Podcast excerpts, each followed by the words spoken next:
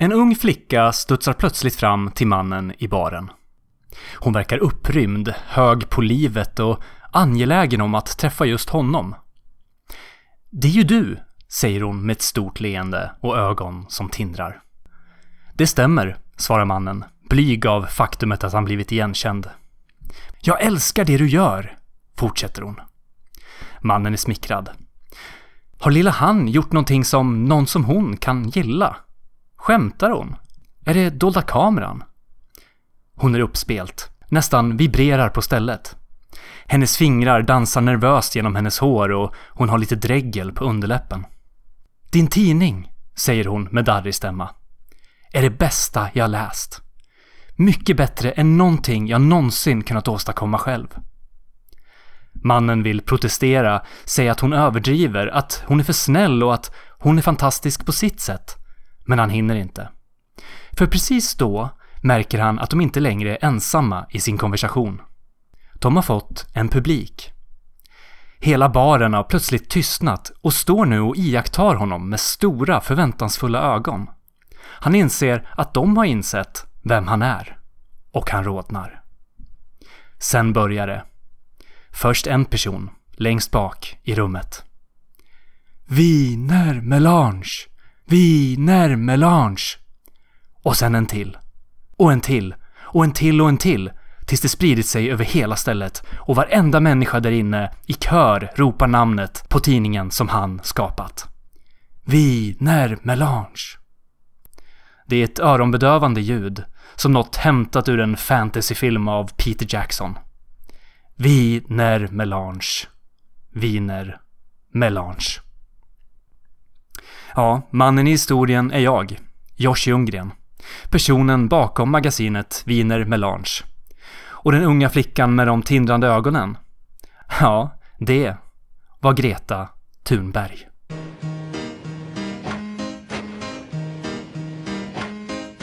If I die before I wake At least in heaven I can skate Cause right earth I can't do jack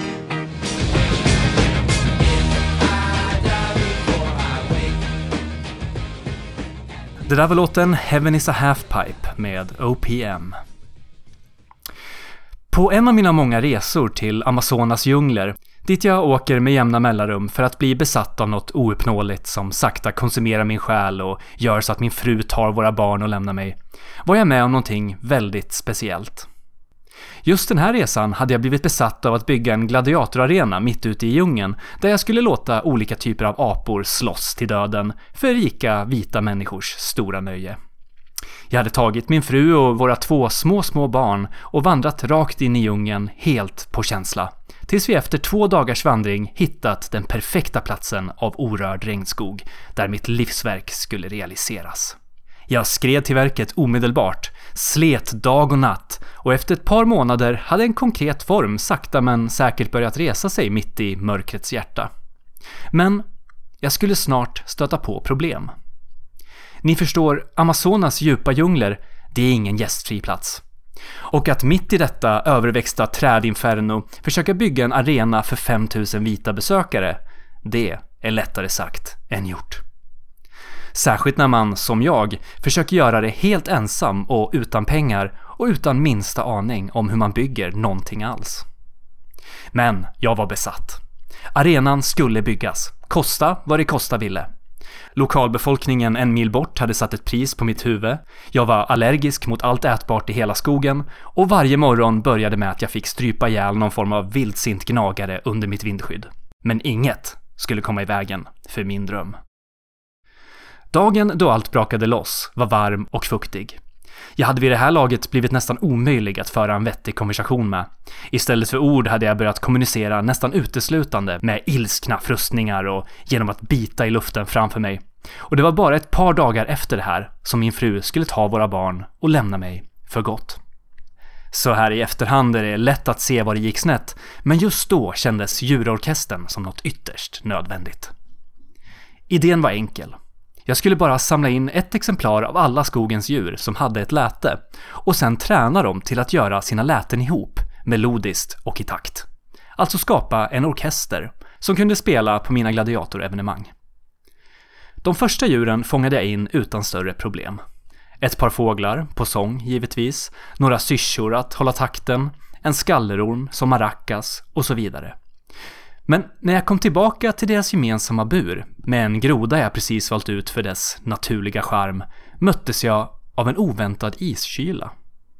Djuren där inne, vid det här laget runt 20 stycken, hade alla ställt sig med ryggarna mot gallret och bara stirrade på varandra i tystnad.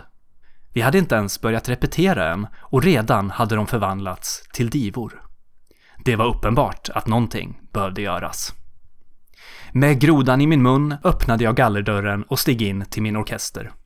Vi skulle ta ett allvarligt snack, de och jag. Och det är det sista jag minns. 48 timmar senare vaknade jag på marken. I en pöl av mitt eget blod, dränkt i mina egna spyor och min egen avföring, fullständigt nerpissad, med bitmärken över hela kroppen och uppsvälld som ett vattenlik. Och orkestern, den var borta. Det var min fru som väckte mig. Hon försökte fråga vad som hänt, men eftersom min mun låg begravd under en decimeter uppsvällt kindkött fick jag inte ur mig något svar. Och det var då hon slutligen tröttnade. Marisol, Bill och Bull. Jag vet inte om ni någonsin hittade ut ur den där skogen, eller om ni skapade er ett nytt liv där inne bland träden och spindlarna. Men var ni än befinner er, hoppas jag att ni har det bra. Somebody once told me the world is gonna roll me I ain't the sharpest tool in the shed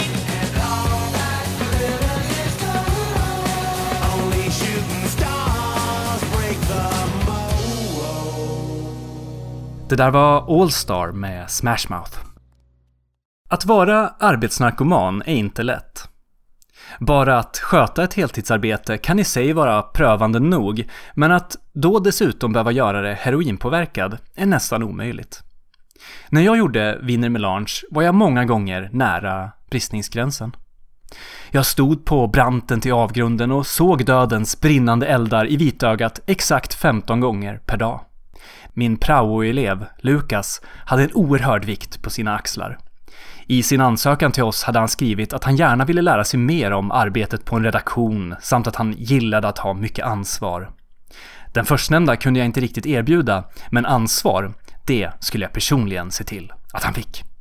Redan första dagen hade vi insett att hans prao på redaktionen inte skulle handla så mycket om tidningsarbete, utan att hans tjänster var bättre lämpade för att, så att säga, hålla mig flytande mentalt. Att vara den ytterst ansvariga för någon annans välbefinnande är en allvarlig uppgift för vem som helst, men det är desto mer sant för en pojke i sina yngre tonår. En dag, när jag varit lite extra svår att hantera, tog Lukas mig åt sidan. Med tjock röst och lite dregel på underläppen sa han Josh, det här jobbet kommer att bli min död. Lukas var alltså bara 13, så som ni hör var han ett väldigt brådmoget barn. En gammal själ, precis som jag. När jag frågade vad som tyngde honom tog det några sekunder innan han ens kunde få fram ett ord. Jag orkar inte mer, sa han till slut. Lite näsblod började nu nyfiket titta fram ur hans ena näsborre. Jag kunde se att någonting tyngde honom. Att ensam behöva ta hand om en annan människa som ständigt svävar mellan liv och död, att vara den enda som står i vägen för den människans ultimata undergång, hade uppenbarligen börjat ta ut sin rätt på den unga pojken. Jag la min arm runt hans tunna små axlar och gnuggade honom ömt i hårbottnen med mina knogar. Du är en gigant, viskade jag i hans öra. Du är en kraft att räkna med. Han tittade frågande upp på mig med ögon oproportionerligt stora för det lilla mangoformade huvudet. Vad menar du? frågade han. Jag skrattade. Ett högt, bullrande skratt som ekade genom korridorerna. Jag insåg där och då att jag älskade honom. Sen såg jag honom djupt i ögonen. Lukas, sa jag. The show must go on. Lukas bara tittade på mig med ögon glansiga av tårar och munnen full av näsblod och jag sa det igen. The show must go on.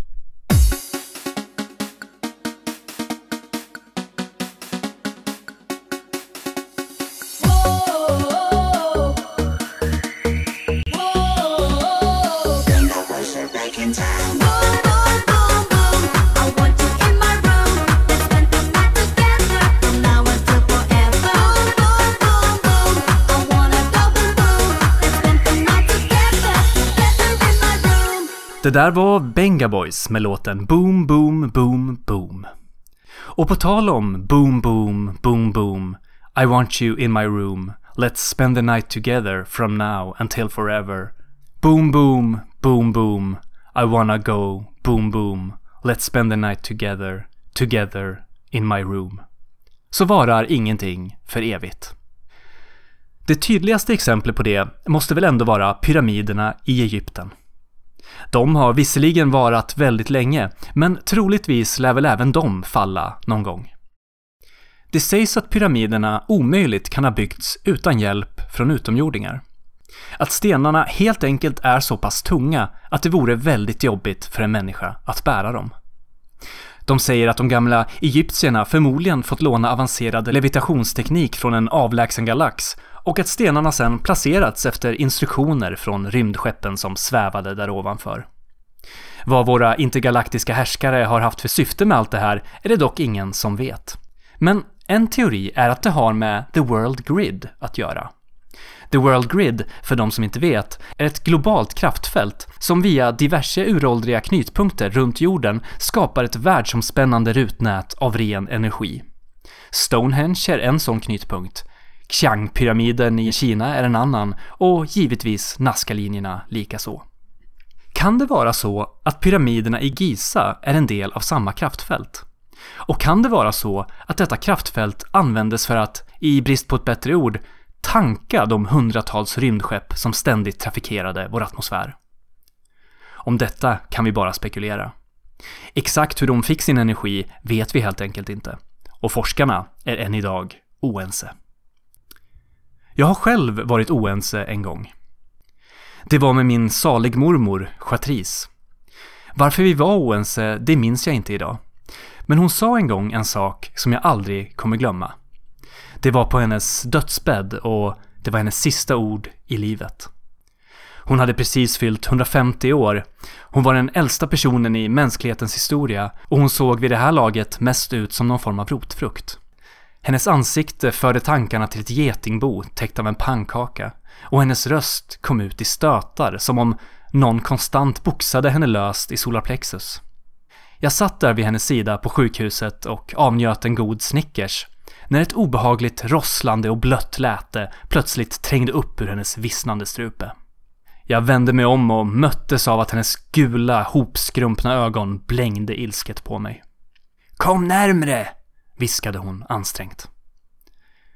Jag satte mig på hennes sängkant och lutade mig fram så att våra nästippar vidrörde varandra. Hon hostade. Hosten smakade blöt bark och snigel. Alltså inte den franska maträtten utan sådana brunsvarta mördarsniglar utan naturliga fiender som vandrat in från Portugal för att förpesta våra gräsmattor. Jag måste fråga dig en sak, sa hon samtidigt som den fräna doften av fräscht ammoniakrikt urin fläktade upp från undertäcket. Vad, Momo? frågade jag. Hon tog ett djupt, ansträngt andetag och sa sen till min stora förvåning. Har du sett Richard Hoberts filmer om de sju dödssynderna? Jag skakade på huvudet så att våra nästippar slog emot varandra och skapade ljudet av en mindre applåd. Jag gillar ettan, fortsatte hon och tvåan, fyran och sjuan. Resten gillar jag inte. Och sen var hon död. Det skulle dröja många år, men till slut hade även jag själv sett alla sju av Richard Hoberts filmer om dödssynderna. Och vilka av dem jag själv gillar bäst? Ja, det är en historia för ett annat tillfälle. Now ladies come, ladies go, I'm a revolving door. Some ladies never come back, most come back for more. I got a house in the hills with a dough that spins, goes in and out, house and in, round and round again. Det där var Revolving Door med Crazy Town.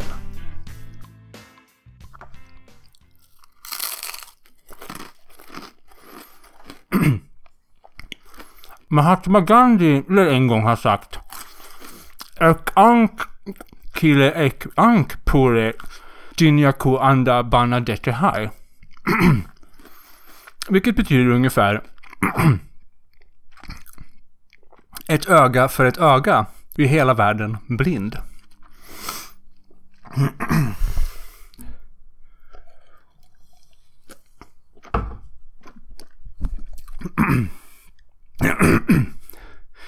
Citatet är en prequel till klassikern I de blindas rike är den enögde kung.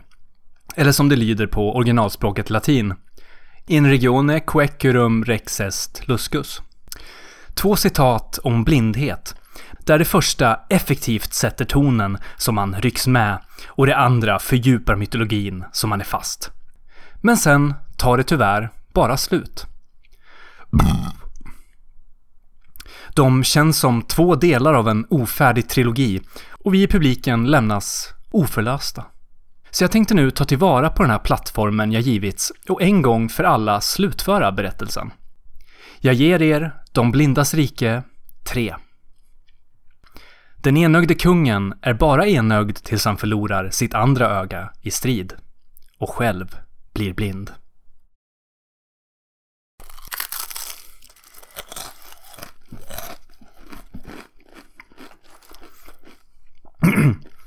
En gång för flera år sedan kinesade jag i Per Holknekts fjällstuga i Åre.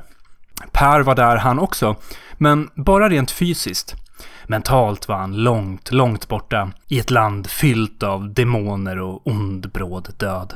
Och för det mesta såg jag honom mer som en del av inredningen än som en medmänniska. Det här var såklart långt innan han skulle komma att träffa sin stora kärlek, Lena Puh.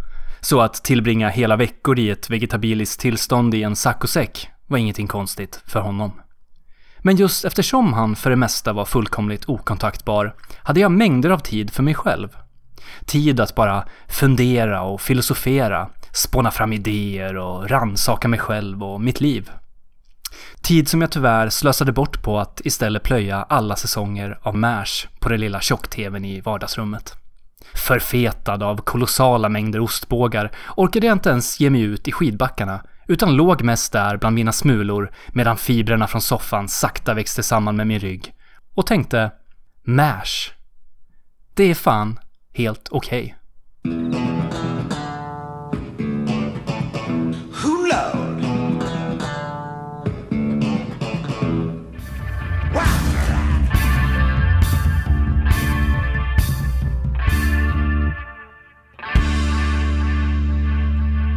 Det där var Red Hot Chili Peppers samlade diskografi. Har ni tänkt på att Neil Armstrong, den första människan på månen, heter Neil A? Och att om man läser Neil A baklänges får ordet alien. Vilket var precis vad Neil själv var ur månens perspektiv. Det kan väl ändå inte vara en slump?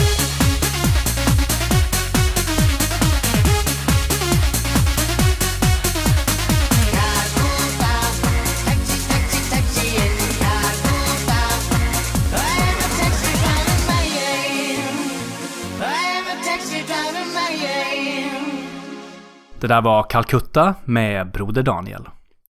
En gång när jag drack sprit med Pirate Bays grundare Gottfrid Svartholm Varg insåg jag en sak som skulle förändra mitt liv. Vi satt i Svartholm Vargs privata serverhall i ett övergivet ammunitionsförråd i Piteå tillsammans med Varg Vikenes från Bursum, skådespelaren Rickard Wolff samt visselblåsaren Räv Hundsson. Vi hade druckit sprit i snart fyra dygn och jag hade vid det här laget hunnit varva alla fem stadierna av sorg två gånger. Det var när jag för tredje gången var inne på första fasen, förnekelse, som Svartholm Varg öppnade sin mun och lät sex välvalda ord sippra ut genom den stripiga skäggväxten, likt genom barderna på en val. Hela mitt imperium för Ebba Hultqvist, sa han, på tal om ingenting. Fyra dagars festande hade uppenbarligen börjat ta ut sin rätt. Hans händer darrade och hans frisyr såg ut som om någon satt ett lösskägg upp och ner på hans huvud. Det tror jag inte på, sa jag. Svartholm Varg besvarade min skepsis med tystnad. Jag kunde känna ilskan stegra inom mig, men jag försökte behålla mitt lugn. Jag knöt näven och bet mig så hårt i underläppen att en bit av den skulle förbli lös för resten av mitt liv. Men jag höll mig samlad tills ilskan hade passerat och jag återigen kunde prata.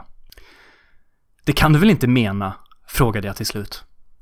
Kanske halva ditt imperium, men inte hela väl? Han fortsatte tiga. Okej, 75 procent, försökte jag, desperat. Men Svartholm Varg bara stirrade på mig med iskallt lugn och lite dregel på sin underläpp. Han hade bestämt sig. Och det gjorde mig gravt deprimerad. Kunde det verkligen stämma? Skulle Svartholm Varg verkligen offra allt för Ebba motherfucking Hultqvist? Skärgårdsdottern? Jag ville inte tro på det, men när jag hade grubblat en stund, vridit och vänt på det, gick sanningen plötsligt upp för mig. Den slog ner mig som en blixt och plötsligt blev allt så uppenbart. Jag förstod vad Svartholm Varg försökte säga. För jag insåg att skärgårdsdoktorn hade förstört mitt liv. När jag som litet oskyldigt barn bänkade mig i tv-soffan för lite okomplicerat naturskönt mys hade jag ingen aning om att jag var på väg att drabbas av en livslång kronisk depression. För plötsligt stod hon ju bara där. Flickan jag alltid hade väntat på utan att veta om det. Flickan jag skulle fortsätta vänta på i resten av mitt liv. Ebba motherfucking Hultqvist. Jag hade alltid vetat att något var fel. I hela mitt liv hade jag haft en diffus känsla av obehag längs ryggraden. Något som jag aldrig riktigt hade kunnat sätta fingret på. En känsla av att någonting fundamentalt fattats. Att man inte varit hel. Och här fanns plötsligt förklaringen. Men inte bara för mig. Det gick också upp för mig att det lilla skimret av rädsla man alltid ser i svenskarnas blickar, det lite vilsna sättet alla rör sig på, osäkerheten, ängsligheten, självhatet, ångesten, varför man tycker att det är pinsamt att köpa toapapper, att allt det hänger ihop med det enkla faktumet att hela svenska folket är olyckligt kära i Ebba Hultqvist. För även om man inte var i rätt ålder eller pedofil så kunde man inte undvika att påverkas av naturkraften som var Ebba Hultqvist. Och den har format Sverige till det land det är idag. Det syns i ögonen på våra föräldrar, våra barn, våra vänner och våra djupt besvikna partners. Den bottenlösa, till synes grundlösa, sorgen. Det finns två, och endast två, individer i det här landet som inte är fundamentalt brutna och deprimerade. Den ena är Ebbas man Filip Strangne och den andra Ebba Hultqvist själv. Sanningen hade daskat sitt sladdriga könsorgan i mitt ansikte den där dagen i bunken, men jag höll det för mig själv. Vi bara fortsatte sitta där tysta. Jag, Svartholm Varg, Varg, Wolf och Räv. På samma platser vi suttit i fyra dagar men med en helt ny avgrund mellan oss. De visste inte varför de mådde som de gjorde, särskilt inte Richard Wolff. Men jag hade sett ljuset. Ebba, om du lyssnar, så vill jag att du ska veta att jag alltid har, och alltid kommer, älska dig. Jag förstår dig på ett sätt som ingen annan gör. Nej, inte ens Filip. Han älskar inte dig. Jag älskar dig. Dumpa Filip. Ge dig själv till mig och jag ska visa vad sann lycka verkligen är. Ge dig själv till mig, Ebba. Annars tar jag livet av mig.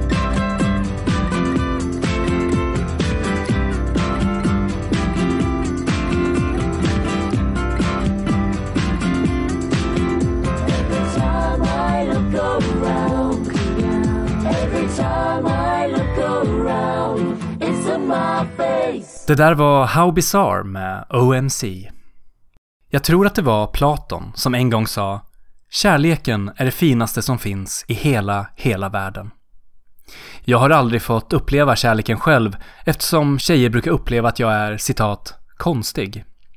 Men det betyder inte att jag aldrig gett det ett försök. Till exempel provade jag för ett tag sedan datingappen Tinder för första gången.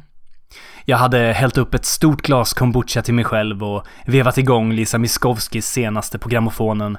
Sen satte jag mig i min favoritfåtölj och bara swipade mig igenom tjej efter tjej i flera timmar tills min tumme blivit alldeles svampig. Och till slut, efter många försök, fick jag äntligen en matchning. Den här tjejen, Stephanie, hade en profil som jag fastnat för direkt. Hon hade till exempel en bild där hon målat en mustasch på sitt pekfinger och höll det fingret över sin överläpp för att på så vis skapa illusionen av att hon hade just en sån mustasch. Det här var en tjej som visste hur man har roligt. Ytterligare bevis på det kom i hennes biografi, där hon uttryckligen skrev att hon gillade ironisk humor. Alltså skämtformen där man säger en sak men menar en annan. Något även jag är ett stort fan av. Hennes intressen innefattade sånt som vänner, mat, kaffe, vin och resor. Alla saker jag själv kunde skriva under på. Men när hon också nämnde att hon gillade både fest och lugna hemmakvällar, ja då visste jag att jag hade hittat en vinnare. Kanske till och med en själsfrände. Hon hade också satt upp några väldigt tydliga krav som man var tvungen att möta om man skulle ha en chans att få träffa henne. Exempelvis ett som gick ut på att man inte fick börja en konversation hur som helst. Om jag ville skriva till henne räckte det inte med att börja med ett simpelt hej eller hur är läget? Nej, sådana killar svarade hon inte ens. Var hon väldigt tydlig med. Så här gällde det att vara kreativ. Jag valde att ta det säkra före det osäkra och började med att skicka ett av mina favoritcitat av Genghis khan. Ett av nöjena med att resa är att besöka nya städer och möta nya människor.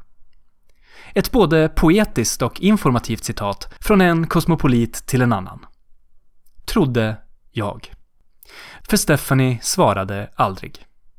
När det hade gått två fulla dagar snokade jag reda på hennes Instagram bara för att försäkra mig om att hon fortfarande levde, men upptäckte då till min stora besvikelse att hon hade skärmdumpat och delat vår privata Tinder-konversation till sina 2000 följare. Jag minns inte exakt hur hon hade formulerat sin bildtext, men det var något i stil med “Hörni följare, kolla på den här vidriga bajsbyxan”. Inlägget hade 500 likes och 30 kommentarer, en så kallad like-raket. Jag kollade några av hennes tidigare inlägg och kunde snabbt konstatera att jag hade att göra med en charlatan. Där fanns hundratals skärmdumpar på privata konversationer hon haft med andra offer på Tinder. Alltid tillsammans med någon snorkig kommentar om vilka bajsbyxor killarna var. Och det är väl gott så. Alla har rätt till sin åsikt. Men vad mig anbelangar, Stephanie, så är det du som är en bajsbyxa. Det var inte helt förvånande sista gången jag provade internetdating och jag har nu återgått till att ragga på krogen som på den gamla goda tiden. Jag gick eh, nyligen på en helgkurs hos en dansk kille med fittskägg som kallade sig Dave. Där jag fick lära mig om bland annat peacocking, negging och andra värdefulla knep för att träffa tjejer. Och det var sannoliken en ögonöppnare. Nu för tiden när jag går ut på krogen gör jag alltid det i någon iögonfallande hatt och går fram till tjejer och säger saker som “Du är rätt ful för att vara snygg” och så vidare. Och även om det inte gett några direkta resultat hittills så är jag hoppfull. Dave säger till exempel att han tack vare den här metoden fått ligga med 2 till 3 tusen tjejer, varav åtminstone hälften varit så kallade 10-poängare. Inga vi känner eftersom de bor i andra städer och inte har sociala medier, men Dave har visat mig sin papperslapp där han drar streck för varje tjej han har fått till det med och den talar sitt tydliga språk. Det är rätt otroligt när man tänker på det. Att alla tjejer som finns fungerar exakt likadant.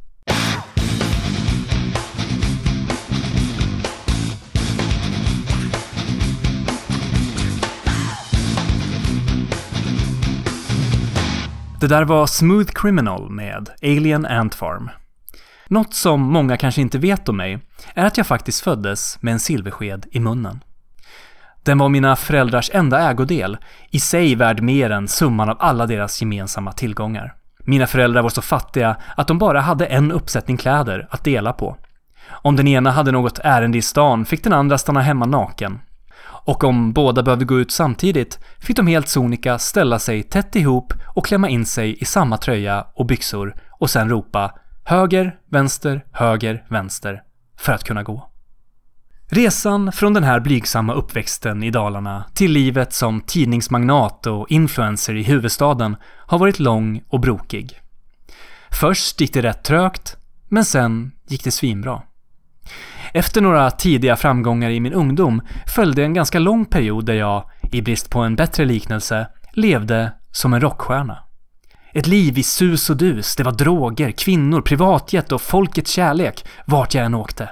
Det var konstant fest i 200 km i timmen utan någon vid ratten. Det hade börjat rätt oskyldigt, men skulle eskalera markant dagen jag träffade min nya radarpartner, min vapendragare och bundsförvant i dekadensen, Morgan Alling. Han hade precis gjort världssuccén Tippen och var i höjden av sin popularitet.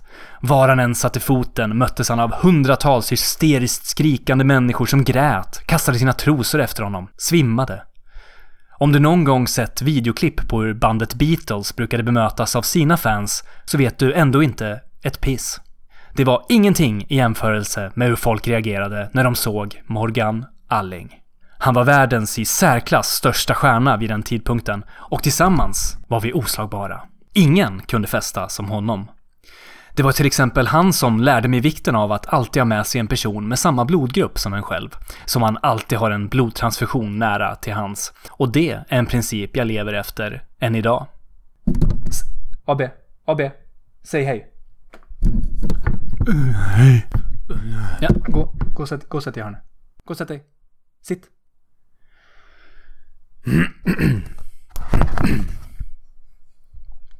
Men ingenting varar för evigt.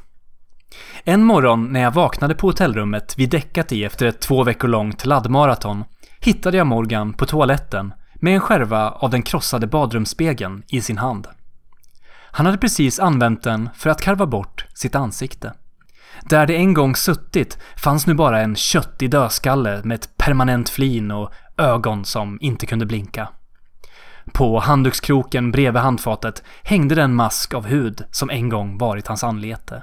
Nu alldeles slappt och blodigt med ett skrynkligt uttryck av evig besvikelse.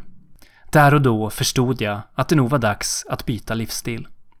Och det skulle också bli sista gången jag träffade Morgan. Hur han lyckades sätta tillbaka sitt ansikte, det vet jag inte. Men än idag, om man kollar noga, kan man se hur huden sitter lite slappt och nästan verkar leva sitt eget liv där på framsidan av hans huvud. Ögonen är dock de samma som alltid. Den där iskalla blicken hos en fullblodspsykopat som skulle göra allt för att krossa sina fiender är tack och lov intakt. Jag kan visa en värld Vacker, bländande, härlig Magisk plats för dig och Det där var en helt ny värld med Aladdin. Efter denna tumultartade period med Morgan skulle jag återgå till ett mer stillsamt liv.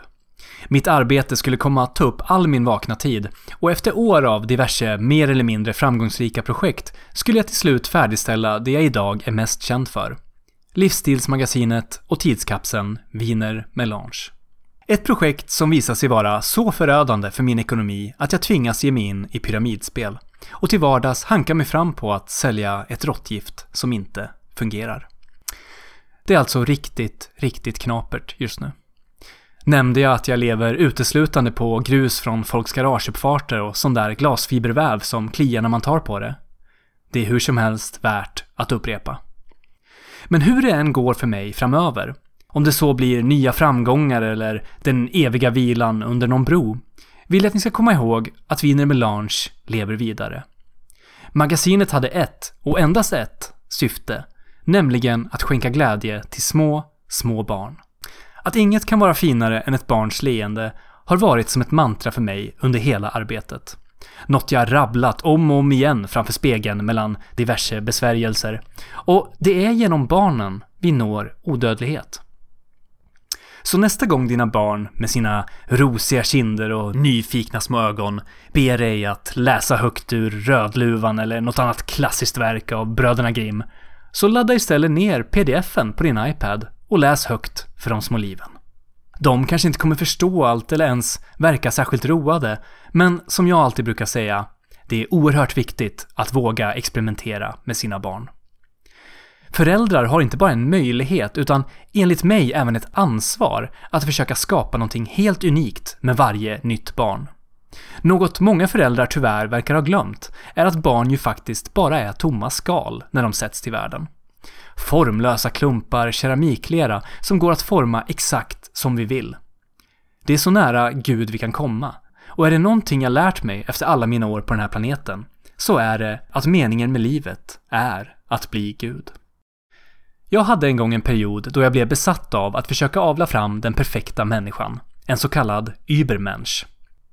Tekniken för att skräddarsy DNA helt efter ens preferenser eller nycker är ju inte riktigt här än, men för att vara beredd när den dagen väl kommer så började jag skissa på hur jag skulle kunna gå tillväga för att, så att säga, blanda den perfekta människococktailen.